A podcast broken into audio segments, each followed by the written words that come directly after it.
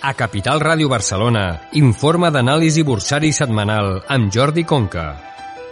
Benvinguts al butlletí bursari del 20 al 24 d'abril de 2020. Continuem amb l'estat d'excepcionalitat del país per l'efecte del coronavirus i ens trobem a la sisena setmana de confinament i des del programa d'Aula d'Empresa i Economia volem mantenir la màxima normalitat possible i així ho farem. Comencem aquest butlletí bursari revisant els fets més destacables de la setmana passada. Titular. Setmana mixta en els comportaments dels principals índexs de renda variable. Arrenquem la setmana amb l'inici de la presentació de resultats als Estats Units. Aquests, tot i no recollir encara de ple els efectes del Covid-19, hi apunten al que pot ser el pròxim trimestre i comencen a veure grans corporacions dotant provisions per al present exercici. Després del petit rally de la setmana passada, en quatre dies a l'alça, vam començar a veure recollida de beneficis i jornades que a mesura que avancen les hores, la sessió per gas i acaba més negativa del que comença el dia. En relació a la macro, aquesta setmana l'atenció centrava en la dada d'ocupació americana, que es va publicar el passat divendres i va ser, com s'esperava, bastant dolenta. En general, i és aplicable a tots els països, la producció, vendes i exportacions són negatives i l'IPC a l'alça.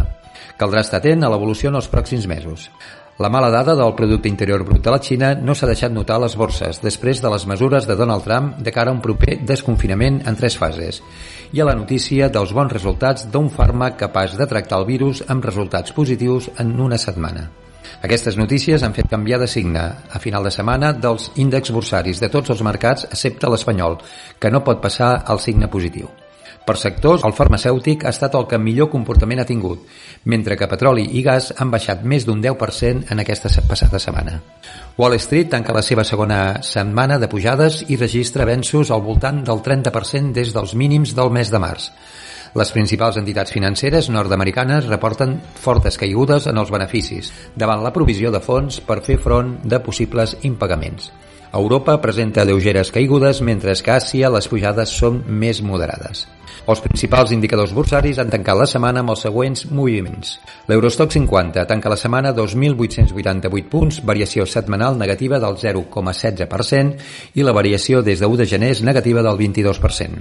En el mercat espanyol, l'IBEX 35 tanca la setmana 6.875 punts, variació setmanal negativa del 2,76% i l'acumulat des de 1 de gener negatiu del 28%.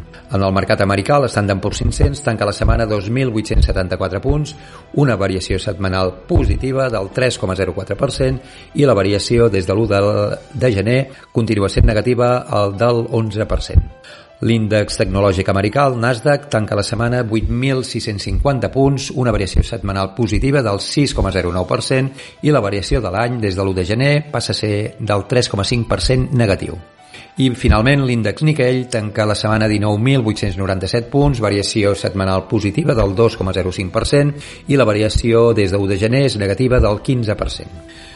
Respecte a la renda fixa, la rendibilitat del bo espanyol a 10 anys tanca la zona del 0,81% enfront del 0,791 de la setmana anterior, mentre que la TIR del bo alemany a 10 anys se situa en el menys 0,47% des del menys 0,348 de la setmana anterior.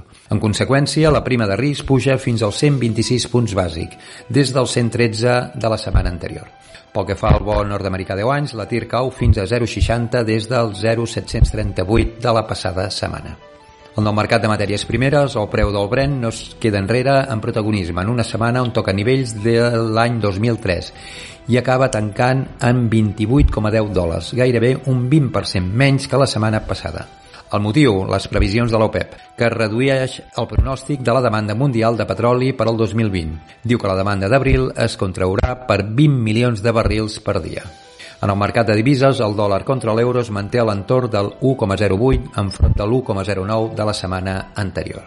Passem ara a les notícies més rellevants a nivell empresarial i com afronta la gran empresa catalana la crisi del coronavirus. En general, podem afirmar que la gran majoria de les grans empreses catalanes afronten la crisi sense ofecs de deute, a excepció de les empreses Averti, Celsa o Nissan.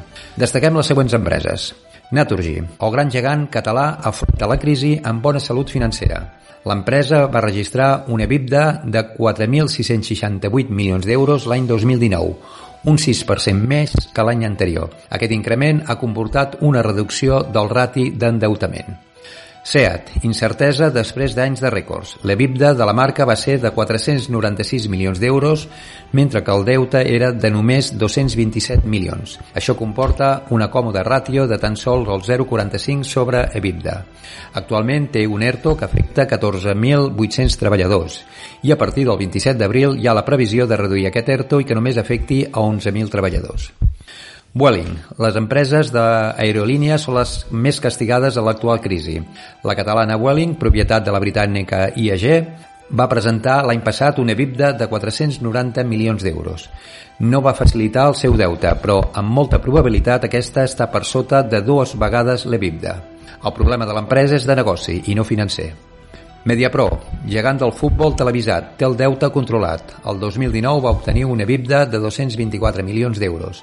L'endeutament es va situar en torn als 727 milions i, per tant, la ràtio del deute és de 3,2 vegades l'EBITDA. L'empresa actualment està amb un ERTO que afecta 1.200 treballadors. Bonària, tot i que no ha fet públic els seus resultats de 2019, mirant els comptes de 2018, el grup va aconseguir unes vendes de 1.816 milions d'euros i una EBITDA de 117 milions. La ràtio de deute del gegant de la Sagarra és de 1,8 vegades l'EBITDA. Grifols va tancar l'any 2019 amb una EBITDA de 1.434 milions d'euros, un augment respecte al 2018 del 17%. El deute financer net va ser de 5.725 milions. La ràtio d'endeutament se situa en 4,17 vegades l'EBITDA. L'empresa insisteix que té entre les seves prioritats la reducció del deute. La propera setmana seguirem informant sobre la situació d'altres empreses catalanes. I per finalitzar amb aquest informe passem als punts claus per aquesta setmana. Es coneixeran indicadors relacionats amb la demanda externa de l'eurozona a través de les balances per compte corrent i comercial. A més, els PMI manufacturers i de serveis dels països de l'eurozona proporcionaran de nou una millor perspectiva sobre l'evolució econòmica. De la mateixa manera que les dades de confiança que s'obtindran a través de l'IFO, índex del clima empresarial alemany i del CEU alemany. El dia de Sant Jordi, 23 d'abril, es reuneix l'Eurogrup, on veurem si s'acosten postures per definir el mètode de finançament de les diferents mesures d'ajuda anunciades, així com definir un pla d'acció per a la recuperació econòmica de la regió. Continuaran les presentacions de comptes trimestrals, en una setmana que estarà marcada per la presentació de resultats de destacables empreses, com serà el cas d'Alphabet, propietària de Google, Visa, Tesla, Intel, Nestlé, IBM, Netflix i Coca-Cola, entre altres, les quals ens proporcionaran una millor visió de l'impacte econòmic provocat per la pandèmia. A nivell nacional, empreses pertanyents a l'IBEX 35, com Grifols, Enegas, Red Elèctrica, Acerinox, també presentaran als inversors els seus respectius comptes. Pel que fa a la visió dels mercats, la incertesa al voltant de l'impacte del coronavirus en l'economia global segueix sent elevada. Per això seguirem de prop les revisions a la baixa de creixement econòmic i dels beneficis per acció, a mesura que anem guanyant visibilitat. L'alentiment en el ritme de contagis continua sent condició necessària, tot i que no suficient, per veure un rebot sostingut en els mercats. Mantenim en les nostres carteres l'exposició a sectors regulats o considerats essencials i companyies amb major flexibilitat per adaptar-se a l'entorn actual i en posicions financeres més conservadores que puguin mostrar un millor comportament relatiu sense descartar que el mercat ofereixi millors punts d'entrada. I fins aquí l'informe bursari d'aquesta setmana. Salut i molta cura per tots i totes. El present informe està basat en informacions de caràcter públic, especialment de les webs oficials de la Borsa de Barcelona i de la Borsa de Madrid. Jordi Conca, director dels Estudis d'ADE del Campus Manresa.